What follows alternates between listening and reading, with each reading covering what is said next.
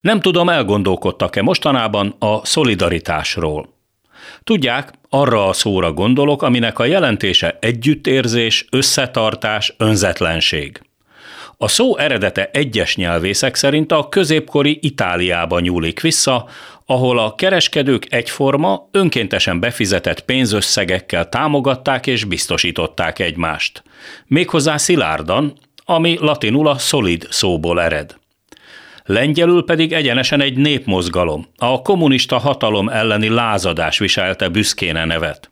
Tudják, a Gdański Lenin hajógyár egyik villanyszerelője állt a mozgalom élére, akit úgy hívtak, hogy Lech Valensa. A többi, ahogy mondani szokás, már történelem.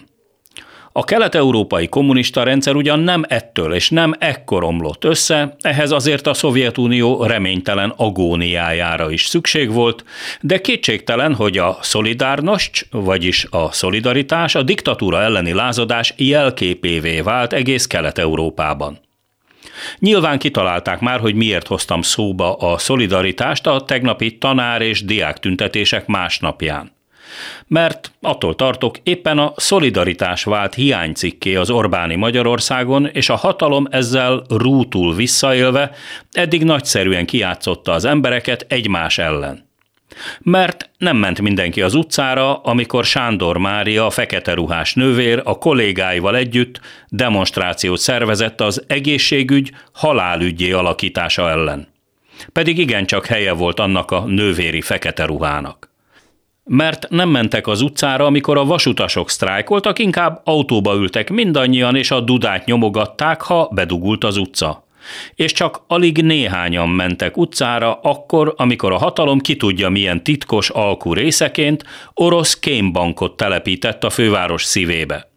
Vagy amikor alamizsnával próbálja kiszúrni a nyugdíjasok szemét, amikor ellopja a nyugdíjpénztárakban lévő százmilliárdokat fényes nappal, amikor palotákat, vadászkastélyokat és stadionokat épít a saját hóbortjai kiszolgálására, de a kórházakban fekvőknek meg nem jut lassan sem gyógyulás, sem szemfedél.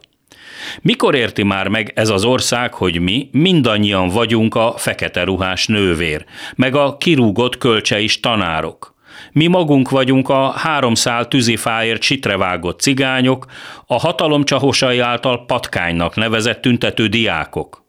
Mi vagyunk a valóság felmutatása miatt utcára tett népszabadság újságírói, az ellopott index szerkesztői, meg a majdnem elhallgatott klubrádió munkatársai.